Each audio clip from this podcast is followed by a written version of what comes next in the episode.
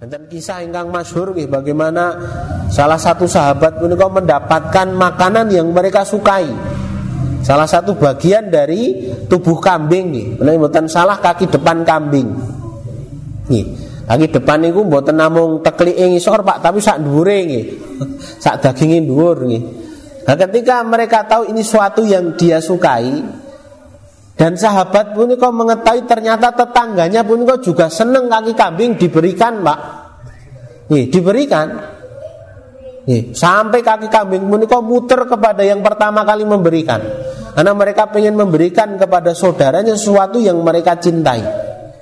Ha punika mboten bakal kula panjenengan sedaya punika saged nglakoni, Pak. Nek basa Jawane gedang awuh pakel, Pak nggih. Ngomong, gampang le nglakoni, kecuali ketika keimanan kita pun kok sempurna. Menganggap bilih wayu sirunal hayatat dunia injih punika napa? E, me, mendahulukan urusan dunia itu merupakan sebuah kehinaan. Dan kita selalu diingatkan oleh Allah Subhanahu wa taala walal akhiratu khairun lakaminal ula. Dan akhirat punika sekali lagi lebih baik daripada urusan al ula injih punika dunia. Nih. Karena berinfak puniko secara langsung, Pak, secara langsung puniko nopo akan mengurangi harta kita. Walaupun pada pada kenyataannya orang yang rajin bersedekah, rajin berinfak puniko pintu rezeki puniko akan diluaskan oleh Allah Subhanahu wa taala. Tetapi secara langsung nih, nah, di situ letak ujiannya. Itu akan mengurangi harta kita. Jenengan nggak ada ide satu sewu pak misalnya, atau sewu digawa Jumatan saya ketemu nggih tinggal saya ketemu nih Nek tunggu ditunggu tuku sate sak keluarga mboten cukup niku saya ketemu nggih. Itu secara langsung dia akan berkurang. Kalau kita tidak punya keterikatan dengan akhirat, tidak meyakini Allah itu akan yudhoaf, melipat gandakan apa yang kita infakkan, ampun kok berat. Ampun kok berat. Nih. Bismillah, Assalamualaikum warahmatullahi wabarakatuh.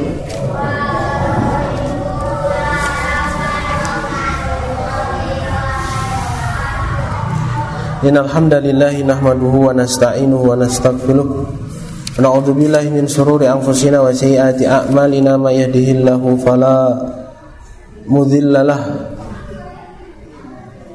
wa may yudlilhu fala hadiyalah Asyhadu an la ilaha illallah asyhadu anna Muhammadan abduhu wa rasuluhu la nabiyya kitabullah khairul huda huda Muhammad sallallahu alaihi wasallam wa syarrul umuri muhdatsatuha wa inna kulla muhdatsatin bid'ah wa inna kulla bid'atin dhalalah wa inna kulla dhalalatin finnari. Rabbi israh li sadri wa yassir li amri wa hlul 'uqdatam min lisani yafqahu qawli amma ba'd. Alhamdulillah, alhamdulillah menjaga puji kalian syukur rumah Allah Subhanahu wa taala. Wonten ing kesempatan dalu punika Allah Subhanahu wa taala tasih maringi kula panjenengan sedaya kenikmatan nggih ingkang kathah sangat arupi kesehatan, waktu luang, keimanan, mekatunuki ketakwaan. Jamaah rawakumullah kita lajengaken pembahasan kitab Riyadhus Shalihin. Uh, menika sampun ngantos bab ingkang 37 nggih dan ing kesempatan saat pun dipun bahas puniko kewajiban memberikan nafkah kepada keluarga. Nah, puniko berkenaan kalian babul infaki mimma yuhibbu wa, min, wa minal puniko bab tentang berinfak dari apa yang kita cintai dan dari sesuatu yang baik, dari sesuatu yang baik. Nah, puniko perkawis ingkang penting, Pak. Jangan sampai kita ini memberikan sesuatu kepada seseorang, nih ternyata perkara-perkara yang bermasalah bermasalah dalam artian puniko boten menyelesaikan masalah tapi nambah masalah.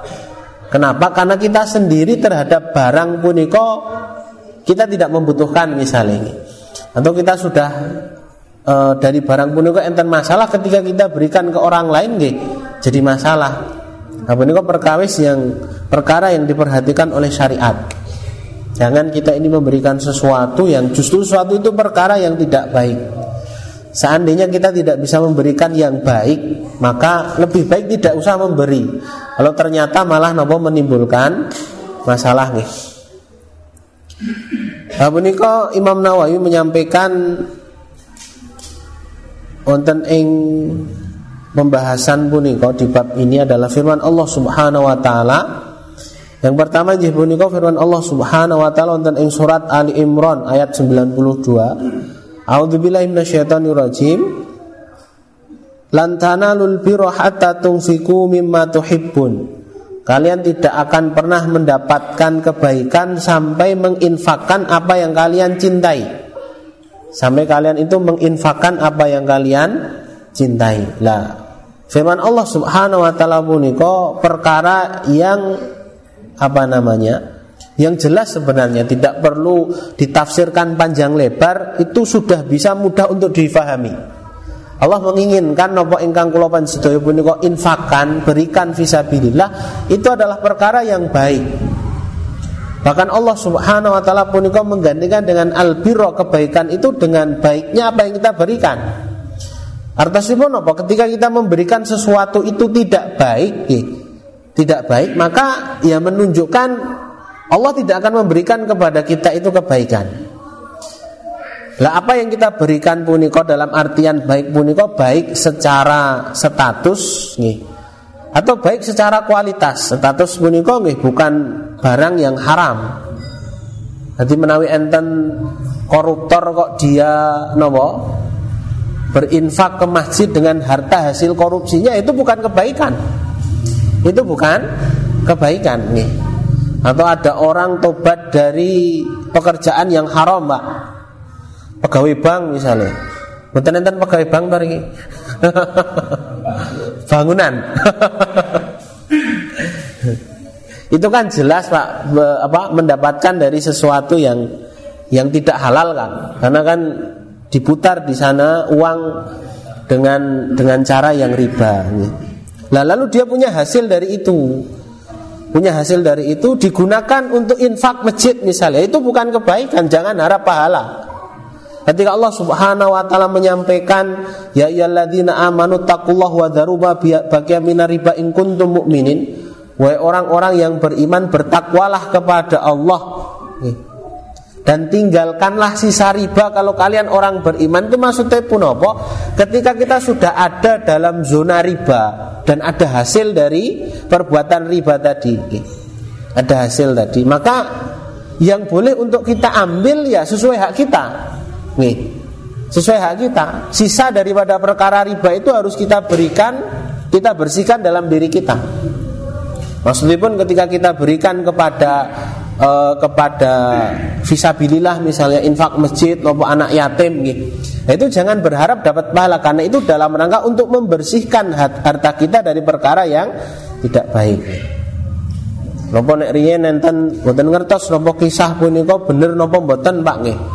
Kisahipun Sunan Kalijogo ketika belum menjadi wali katanya itu kan punya kebiasaan ngerampok Pak, gitu mengambil harta dari orang-orang kaya, para pejabat lalu diberikan kepada orang-orang miskin. Apa ini kok perkawis yang bukan perkara yang benar, tidak benar yang seperti ini. Itu apa? Apa yang kita berikan visabilillah kok syaratnya adalah baik dari sisi zatnya. Begitu juga dari sisi kualitasnya, ini juga harus baik. Itu juga harus baik nih. Jangan sampai kita memberikan kepada seseorang perkara yang justru tidak kita sukai. Maka tenuki firman Allah Subhanahu wa taala tentang surat Al-Baqarah ayat 267. Allah Subhanahu wa taala berfirman, Ya ayyuhalladzina amanu anfiqu min thayyibati ma kasabtum. Wahai orang-orang yang beriman, berinfaklah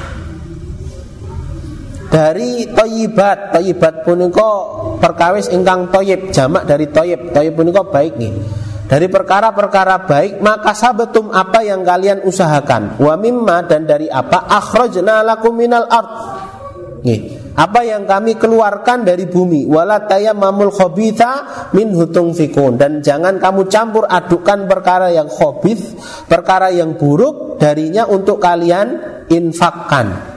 Untuk kalian infakkan. Nah sebagai uh, dalil yang menunjukkan bila Allah Subhanahu wa taala perintahkan kita untuk berinfak di samping itu nggih punika infak yang baik juga. Nah, kalau sedaya punika punya kebiasaan yang kita berikan kepada orang lain punika nek wis ora kanggo, nek wis ora doyan, nek wis ora butuh, Pak. Kan gampang le ngeculke nggih nek ngoten niku. ya itu tetap dapat pahala, Pak. Nah Rasulullah kan pernah menyampaikan Fattakullah walau bisikit tamroh takwalah kepada Allah walaupun hanya dengan separuh kurma. Jenengan gede kurma kurma itu seberat apa toh? Punika dibagi dua, separuhnya punika diberikan orang dengan niat infak. Itu sudah dicatat sebagai kebaikan. Tetapi alangkah baiknya punika ketika kita berikan sesuatu yang baik, nih. sesuatu yang baik. Makanya puncak tertinggi ukhuwah punika dinamakan oleh para ulama sebagai ithar. Walaupun isar ini juga bahasa Al-Quran, Pak. Isar punika mendahulukan orang lain. Sebagaimana sahabat Ansor punika ketika kedatangan tamu dari muhajirin, nih, mereka punika memberikan sesuatu yang mereka cintai. Nih, walau kana bihim khososoh Walaupun sebenarnya sahabat Ansor punika adalah orang-orang yang membutuhkan Yang sebenarnya membutuhkan tapi karena ikatan keimanan mereka berikan kepada sahabat muhajirin. Dan kisah ingkang masyhur bagaimana salah satu sahabat menika mendapatkan makanan yang mereka sukai. Salah satu bagian dari tubuh kambing nih, salah kaki depan kambing. Nih, kaki depan niku mboten namung teklike ngisor Pak, tapi sak dhuwure nggih. sak daginge dhuwur nggih. Nah, ketika mereka tahu ini suatu yang dia sukai, dan sahabat pun kau mengetahui ternyata tetangganya pun kau juga seneng kaki kambing diberikan, Pak. Nih, diberikan. Nih, sampai kaki kambing pun kau muter kepada yang pertama kali memberikan. Karena mereka ingin memberikan kepada saudaranya sesuatu yang mereka cintai. Ha kau buatan bakal kalau panjenengan sedaya kau sakit nglakoni, Pak. Nek basa Jawane gedang awuh pakel, Pak nggih. Ngomong, ngomong gampang le nglakoni, kecuali ketika keimanan kita pun kok sempurna. Menganggap bilih wayu sirunal hayata dunya. Injih punika napa? E, me, mendahulukan urusan dunia itu merupakan sebuah kehinaan dan kita selalu diingatkan oleh Allah Subhanahu wa taala walal akhiratu khairun lakaminal ula dan akhirat punika sekali lagi lebih baik daripada urusan al ula nggih dunia. Nggih. Karena berinfak punika secara langsung, Pak, secara langsung punika nopo akan mengurangi harta kita. Walaupun pada pada kenyataannya orang yang rajin bersedekah, rajin berinfak punika pintu rezeki punika akan diluaskan oleh Allah Subhanahu wa taala. Tetapi secara langsung nih, nah di situ letak ujiannya. Itu akan mengurangi harta kita. Jenengan nggak ada ide satu sewu pak misalnya, atau sewu digawa Jumatan saya ketemu nggih tinggal saya ketemu nek tunggu ditunggu nggih tuku sate sak keluarga mboten cukup niku saya ketemu nggih itu secara langsung dia akan berkurang. Kalau kita tidak punya keterikatan dengan akhirat tidak meyakini Allah itu akan yudhoaf melipat gandakan apa yang kita infakkan ini kok berat? Ini kok berat nih? Jamaah Romokleng kang dipun Allah Subhanahu wa taala dan Islam ini merupakan agama yang sangat memperhatikan perkara ini. Seandainya dalam urusan distribusi harta, harta yang dimiliki oleh manusia pun diatur dengan aturan Islam. Nih. Maka tidak ada Pak tiang punika kok nyolong, nyopet Pak nih. Jaluk-jaluk ngemis-ngemis tendalan tidak akan ditemukan yang seperti itu. Lalu jenengan mempelajari tentang teori distribusi ini. Teori distribusi itu bagaimana harta yang ada atau kekayaan yang ada di muka bumi ini. Itu teorinya kan banyak, ada teori sosialis. Kalau teori sosialis pun kok sama rasa sama ra, sama rata. Itu semua dibagi rata. Nih. Nek umai tingkat loro, kabeh tingkat loro. Nek mangane sego karo tiwul, ya kabeh sego karo tiwul. Itu teori sosialis. Kalau kapitalis jadi boneka yang kaya semakin kaya, yang miskin semakin miskin. Jadi pemilik modal itu orang yang kekayaannya bertambah. Le nyambut gawe rapatio keringetan tapi hasilnya paling oke Pak. Sing nyambut gawe kuwi keringetan kepanasan tapi bayarnya bayarnya paling sidik nih. Tetapi kalau di dalam Islam teori distribusi puniko dalam pelajaran zakat. Dalam zakat puniko ada 8 asnaf orang yang berhak untuk mendapatkan apa? zakat. Untuk mendapatkan zakat nih. Orang miskin, orang fakir, terus orang yang nopo visabilillah wal amilina alaiha petugasnya. Terus nopo meleh orang yang gorem terkena hutang terlilit hutang. Maka tenugi orang yang dia itu muallafatu qulubuhum yang hatinya penuh ditaklif. Keimanannya pun kok belum kuat. Nih Seandainya zakat pun kok diterapkan maka tidak akan dengan cara yang benar, Pak. Maka tidak akan ada apa yang saya sebutkan tadi, wong ngemis jaluk-jaluk, Pak nggih. Wong ngapusi karena harta itu akan apa? menjadi berkah. Diberikan kepada orang-orang yang memang membutuhkan. Jamaah rahmatullah kenapa? Karena apa yang disiapkan Allah Subhanahu wa taala di muka bumi pun kok Pak, di bawah langit dengan kebutuhan kita ini itu jauh lebih banyak dari apa yang Allah siapkan. Bukti ini dunia kuwi wis pirang berapa ratus ribu tahun, Pak. Dihuni oleh manusia ya segone ora entek. Gitu. Napa meleh? Angine napa? Oksigene mboten entek, banyune nggak mboten entek. Gitu. Artinya apa? Apa yang disiapkan Allah itu begitu sangat banyak. Tetapi karena manusia punika tidak diatur dengan keimanan nih yang memegang harta punika adalah orang-orang yang tidak mempunyai keimanan yang benar nih. nilai maslahatnya kepada orang lain manfaatnya kepada orang yang membutuhkan punika tidak ada. Tidak ada. Jadi ini merupakan membuktikan bila Islam punika memang benar datangnya dari Allah Subhanahu wa taala. Sampai dalam urusan distribusi atau apa namanya bagaimana cara kita ini menggunakan harta itu diatur oleh syariat. Diatur oleh syariat. Nih. maka pernah ada di satu zaman pun kok diatur oleh aturan Islam pun nih diatur oleh aturan Islam nih sampai tidak ada mustahik zakat pak. Bayangkan. Tidak ada mustahik zakat berarti buatan enten uang tidak ada orang miskin tidak ada orang fakir nih rano wong diutang pak Nggih, wong ra diutang punika wong sing paling ayem sak donya, Pak nggih. Enten sing mboten duwe utang, Pak. Jarang nggih. Jamaah rahmatullah kang dirahmati Allah Subhanahu wa taala berbeda ketika aturan itu aturan distribusi harta itu diatur dengan aturan di luar Islam. Yang ada adalah kedoliman, yang ada adalah kedoliman. Nih.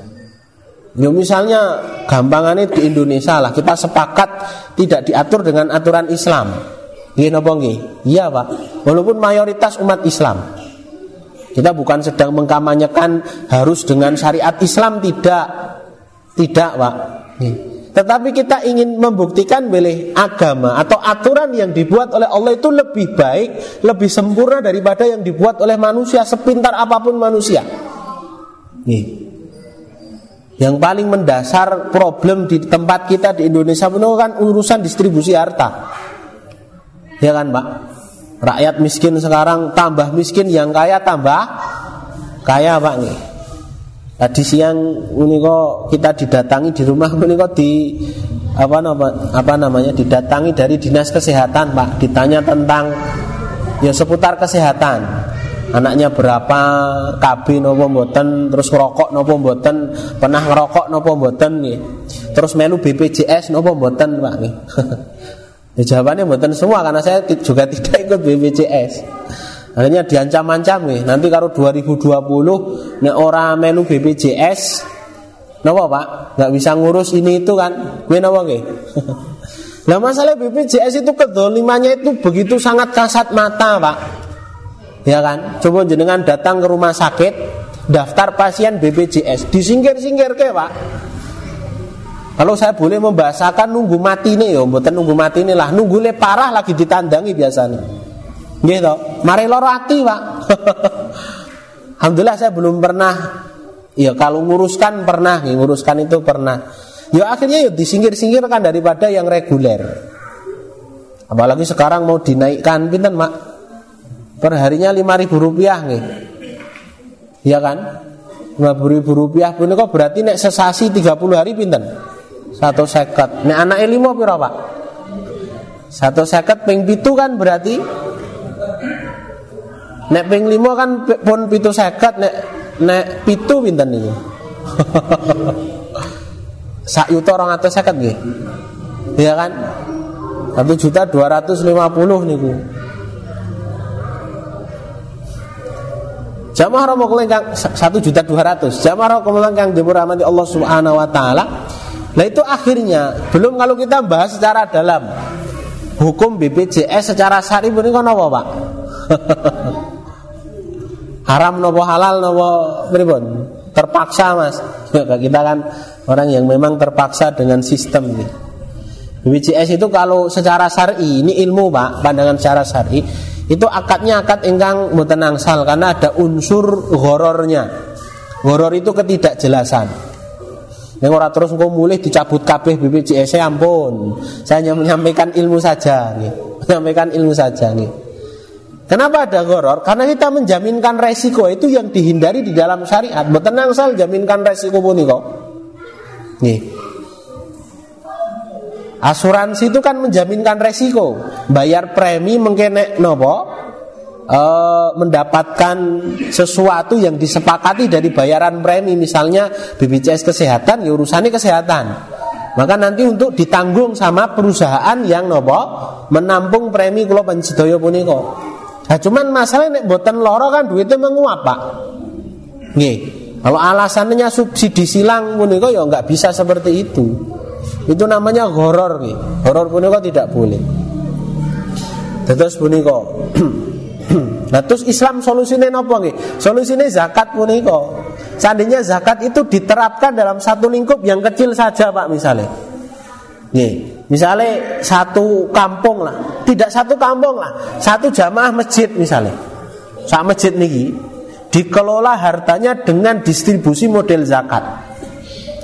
Saya yakin permasalahan-permasalahan ekonomi itu akan selesai. Ya akan selesai. Tidak akan berkutat harta itu di seputar orang kaya saja. Dan zakat itu kan sudah ada kadarnya. Menawi jenengan mengeluarkan zakat itu tidak akan membahayakan kebutuhan pokok jenengan. Karena ada kadarnya dua setengah persen. Ya kan, justru di situ akan membersihkan dan membuka pintu-pintu rezeki yang lain. Cuman kita kan terkadang pikiran kita itu pikiran-pikiran yang tidak berdasarkan dengan Islam gitu. Pemangsane nek ngetok kayak gitu oke long duitnya padahal tidak. Wa ma anfaqtum min syai'in huwa yukhlifu.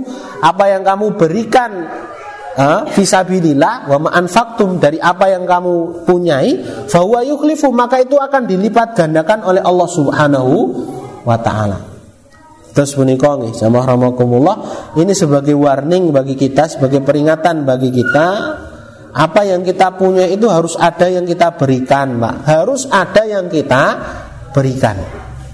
Ya contohnya nggak usah tinggi-tinggi lah misalnya sinten Abu Bakar Asidik ya ampun Abu Bakar Asidik yang pernah menginfakkan seluruh hartanya ya jangan Atau Umar bin Khattab separuh hartanya jangan Ya paling tidak dengan dengan teori zakat puniko kita bisa melatih eh, apa yang ada pada diri kita dalam bentuk penyakit bakil, Pak.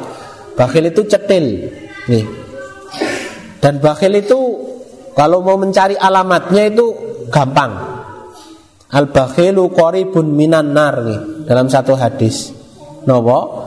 Orang yang bakhil puniko alamate puniko paling dekat dengan neraka. Jadi sok neng nek ten neraka, eh, napa nek ten akhirat mau mencari wong-wong cetil ini kok gampang, Pak. Cerak neraka. kalau kalau tidak ya malah masuk ke dalam neraka. Lah itu sifat dasar manusia itu ada bakhil itu. Lah Islam melarang agar dihilangkan. Orang bakhil itu kan merasa dia punya kan. Padahal kan tidak punya. Nopo ingkang kula panjenengan punika sekarang miliki itu kan titipan Allah Subhanahu wa taala. Toh riyen boten gadah kok Dulu juga kita itu tidak punya kan? Dulu kita tidak punya. Akhirnya Allah berikan. Wallahu akhrajakum min butuni ummahatikum la ta'lamuna syai'a. Allah itu mengeluarkan kalian dari perut-perut ibu kalian tidak tahu apa pun. Nggih. Boten ngertos nopo-nopo, boten gadah nopo-nopo. Maka nanti yang menyampaikan punika bayi menungso punika itu adalah bayi yang paling ngerepoti sak donya, Pak. Anak wedhus kuwi nek metu langsung iso ngadeg, langsung iso goleki nenene mbokne. Tapi nek manusia keluar ditinggalkan begitu saja mati, Pak. Tidak ada asupan ilmu pada diri dia nggak bisa dia hidup. Terus menunjukkan kita nggak punya apa-apa, lalu diberikan Allah sesuatu, lah kok kita merasa nopo memiliki. Sehingga ketika diperintahkan untuk berinfak pun kok awal pak, ini kok bermasalah, bermasalah. Harta yang kita punya sering saya sampaikan ya, yang sesungguhnya itu apa yang kita berikan kepada Allah Subhanahu Wa Taala. Harta itu akan ada tiga, ada yang dimakan, ada yang digunakan senang-senang, ada yang diinfakan visabilillah. Yang dimakan, yang digunakan senang-senang pun kok akan dihisap, yang diberikan visabilillah pun kok akan menjadi pahala penyelamat kula kok besok di akhirat. Orang yang paling tenang besok di mahsyar itu adalah orang yang dermawan, Pak. Ketika Allah Subhanahu wa taala jadikan matahari punika se -se sejauh satu mil. Nggih.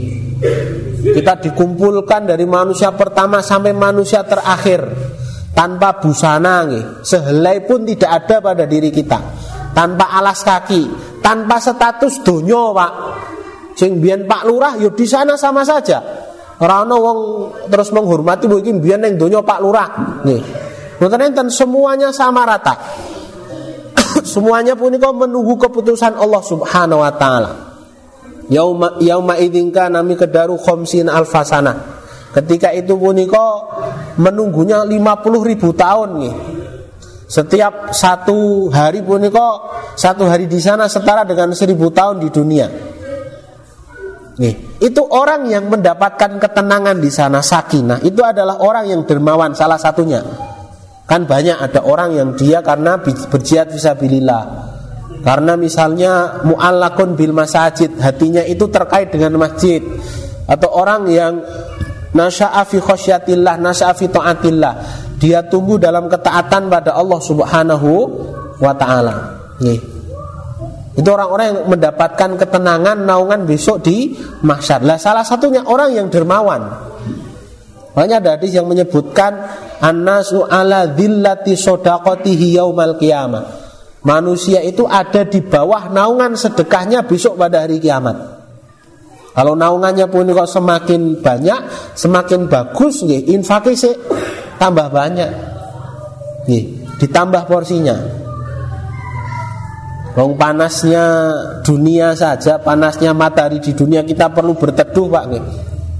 Omai ben apik kan ben tau pak, ben apa nih? Bangun rumah, le rumah HP itu kan dalam rangka untuk ngiyup dari panas matahari, dari hujan nih. Begitu juga besok di akhirat kita perlu yang namanya naungan puniko. Perlu yang namanya naungan. Makanya tidak heran orang-orang yang beriman puniko dalam urusan harta itu jor-joran, Pak. Untuk bangun akhirat puniko jor-joran. Bayangkan saja, kita ini mendapatkan ketenangan, kemudahan, nih di dunia ini ketika kita mendapatkan rumah yang bagus kan, rumah yang layak misalnya, yo ombo, yo fasilitasnya ono, iso bayar listrik nih, rumahnya gede rasa bayar listrik, rasa ini kan berdoa nih. Itu kan menjadikan kita ini tenang nih, tenang. Begitu juga di akhirat akan seperti itu. Kalau kita punya tempat kembali, tempat naungan menjadikan kita ini tenang. Nih, kalau tidak punya nih, walaupun kita dulu di dunia orang yang paling besar rumahnya sak kampung, ya di sana akan dihinakan oleh Allah Subhanahu wa taala. Terus puniko, ah, ini perlu yang namanya tarbiyah, Pak. Perlu yang namanya latihan. Tidak bisa datang dengan sendirinya, mengasah diri kita agar dermawan, agar mudah untuk memberikan visabilillah puniko perlu yang namanya latihan. Tidak datang dengan sendirinya sekali lagi. Terus punika nggih.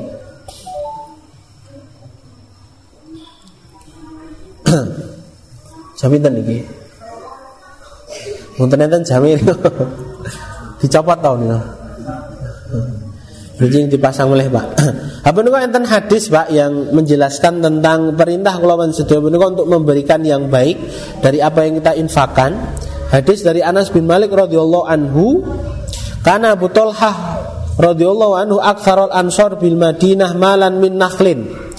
Jadi ada sahabat Ansor punika bernama Abu Tolhah. Nih, penduduk Madinah nih. Ansor kan penduduk Madinah. Yang dia itu termasuk orang yang apa? Paling banyak hartanya. Aksaro aksarol ansori bil Madinah malan itu orang yang paling banyak hartanya. Wakan ahabu amwali ilaihi bayroha dan harta yang paling dia cintai dia punya banyak harta.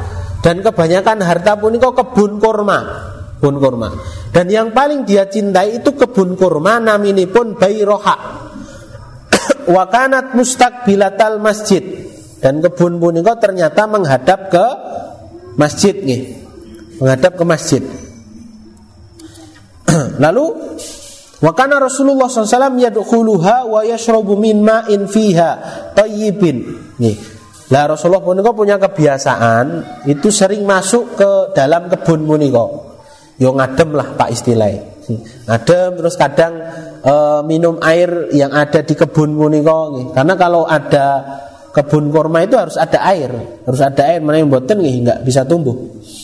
Falamma nazalat hadhil ayah. Maka ketika turun ayat yang menyebutkan Lantana lul birohata tungfiku dalam surat Al-Imran oh, 92 Tidaklah kamu mendapatkan kebaikan Sampai kalian menginfakan apa yang kalian cintai.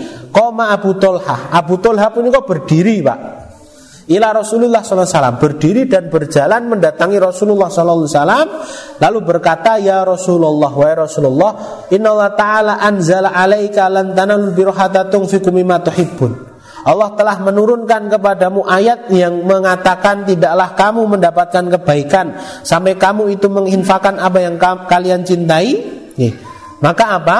Abu Tulah mengatakan wa inna ahabba mali ila ilayya bayroha. Harta yang paling saya cintai itu adalah kebun ini, kebun Bairaha namanya. Wa inna sodakotun lillahi ta'ala arju birriha wa dhuhraha indallah. Maka saya jadikan ini sebagai sedekah, harta sedekah yang arju saya berharap kebaikannya nih. Kebaikannya indallah di sisi Allah Subhanahu wa taala. Fadhuha ya Rasulullah haitsu arakallah. Maka silahkan Ya Rasulullah, jadikan kebun ini terserah Anda. Nih, pokoknya ini sudah saya berikan visabilillah. Terserah mau dijadikan apa. Wa it uh, faqala Rasulullah SAW, maka Rasulullah SAW pun bersabda, "Bah, dzalika malun robih." Ini adalah harta yang menguntungkan. Robih punika menguntungkan. Wakot sami tu makulta. Saya telah mendengar apa yang kamu katakan. Wa ini aro antaj alaha fil akrobain, fil akrobain. Maka saya berdoa atau berharap kamu itu dijadikan dari salah satu apa? Akrobain. Akrobain kok nopo? Af'alu ya Rasulullah. Fakosammaha Abu Tolha fi akoribiya wa bana mutafak alaihi. Akrobain kok uh, termasuk nopo? Orang yang didekatkan kepada kebaikan. Sampai Rasulullah mereka mengatakan ini adalah harta yang menguntungkan. Terus mereka jenengan punya harta, nggak akan berkurang dan tidak akan pernah rugi. Itu berikan visabilillah pak. Nih. Tapi karena otak-otak manusia kok kadang dimasuki otak sewu komunis pak nih. Mudah-mudahan tidak masuk dalam otak kita. Itu berat berinfak. Merasa kalau diberikan untuk infak kok duitnya kelong. Nggih napa nggih?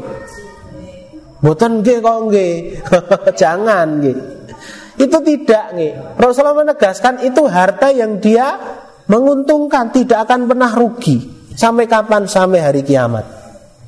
Sampai hari kiamat. Nah kita butuh orang-orang yang seperti ini, Pak. Urusan dunia kemawon do jor-joran toh, Pak. Ono campur sari, ono wayang, ono dangdutan, le infak ngene, oh infak nih. Le nyumbang rawangun dikatakan infak nih. Le nyumbang ngene kok 200.000, 500.000 sak yuta, Pak. Tapi nek urusan masjid nih, angel banget nih. Terus menika. Ya jangan sampai kita seperti itu. Ini harus dilatih, harus dilatih yang seperti itu.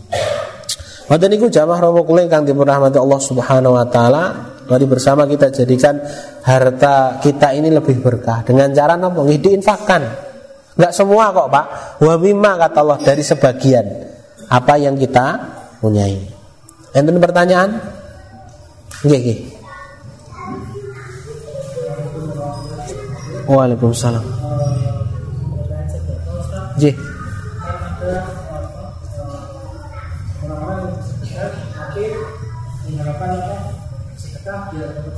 J. Sa sedekah itu menjauhkan dari mara bahaya. Dan sedekah yang memperlancar bisnis. Nggih. Jadi ada maksud seperti itu apakah masih. Nggih. Terus yang kedua, Ustaz terkait bank syariah di Indonesia itu. Nggih. Yang pertama, sedekah berharap keduniaan nih, ben tambah sugih, ben tambah sehat, ben tambah karirnya punya kok melejit misalnya. Angsal nopo mboten boleh. Karena memang ada dalil-dalil yang menunjukkan tentang itu. Rasulullah pernah menyampaikan dau mardhokum bisodakoh sembuhkanlah orang yang sakit di antara kalian dengan sedekah. Tapi jenengan loro misalnya pak samurat darah tinggi atau penyakit kronis atau ada di keluarga kita yang sakit seperti itu salah satu wasilah pengobatannya dengan bersedekah. Dan ini sabda Nabi. Dan terlalu banyak contohnya Pak. Terlalu banyak contohnya orang yang diberikan Allah kesembuhan secara tiba-tiba karena bersedekah. Dan ini boleh. Wasilah dengan amal soleh dalam bentuk sedekah untuk mendapatkan keuntungan duniawi pun boleh. Jadi Apakah apakah berkenan dengan kesehatan sesembuhan? Marah bahaya misalnya. Boleh. Seperti misalnya dalam Sahih Bukhari itu dijelaskan ada tiga orang, nih, itu masuk ke dalam gua pak. Akhirnya kan gua ini ketutup kan. Hanya ketiganya itu berwasilah dengan amal soleh. Salah satunya itu sedekah. Ada orang yang dia punya pegawai, dua karyawan lah. Lalu karyawan pun kok sebelum akhir bulan dia pergi. Bayarnya dereng disukake pak, belum diberikan dia sudah pergi. Akhirnya bayarnya orang tadi, barat jatahnya itu dikembangkan. Ditukoke wedhus aku ini dadi pak. Lah setelah beberapa saat, beberapa tahun lah, pegawai punika datang untuk mengambil nopo harta dia, gaji yang dulu belum diambil. Lalu disampaikan oleh bosnya iki loh hartamu, wedhus sing ngukahi. Dikatakan apa kamu mengejek sayang? Oh tidak. Jadi gajimu yang jatahnya dulu itu saya kembangkan jadi ini. Lalu dia mengatakan, ya Allah seandainya sedekah saya ini kau terima, bukakan. Dibukakan ya Allah. Nah, itu berharap nopo untuk dihindarkan dari marah bahaya. Untuk nopo nopo. Yang tidak boleh itu ngarep perkara yang tidak boleh. Ngarep perkara tidak boleh itu misalnya riak mengharap bukan kepada Allah kepada orang lain. Nah itu tidak boleh. Tapi kalau dalam urusan itu boleh. Terus yang kedua terkait dengan bank syariah nih. saya ada dosen-dosen di kampus itu di S3 itu yang beberapa pun punya posisi pak. Posisi uning di bank di eh, lembaga-lembaga keuangan syariah bahkan bank syariah. Nih, bank syariah yang tingkatnya pun nasional Abu Niko seperti apa nih? Seperti apa? Ya memang kalau pure syariah itu belum bisa saya lihat. Dan mereka mengatakan juga seperti itu. Kalau pure syariah belum bisa. Nih. Karena memang lembaga keuangan syariah yang dibentuk itu masih terkait dengan motivasinya itu ada profitnya.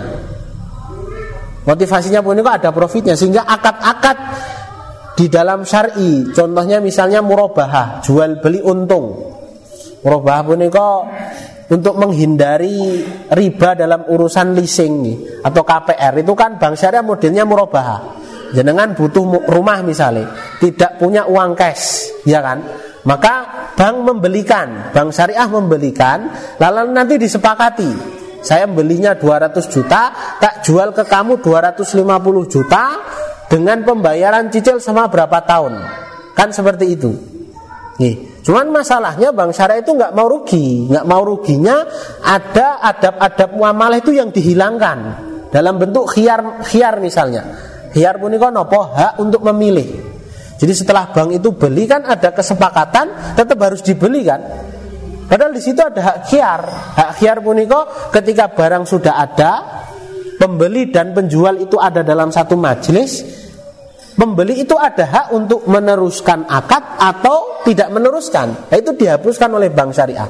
Karena dia nggak mau rugi, mau mosok iki wis dituku akhirnya dia rasido tuku, mau wis pasrah misalnya kan. Nah, ini dan banyak lagi nanti. Nah, ini sebenarnya problem utamanya karena masih orientasinya puniko profit oriented, Mas. Kalau zaman Nabi puniko ada baitul mal, itu dibuat oleh Rasulullah SAW dalam rangka untuk nopo menyelesaikan urusan-urusan ekonomi masyarakat. Nih. Jadi Baitul Mal pun ya siap rugi tidak harus untung terus. Nih, siap rugi. Walaupun akhirnya tidak rugi. Walaupun akhirnya tidak rugi. Jadi menawi jenengan bertanya tentang bank syariah apakah sudah pure syariah? Jawaban saya berdasarkan apa yang saya dapat dari apa namanya praktisi-praktisi yang di atas sana belum pure belum apa murni 100% syariah. Tapi paling tidak itu sebagai apa namanya sebagai solusi bagi kita. Misalnya nabung di bank syariah itu lebih aman. Karena akadnya kan akad wadiah kan akad, akad titipan. Nanti dari sana kan tidak diputer untuk perkara yang riba misalnya. Ngoten niku. Allah bisawab. Sampun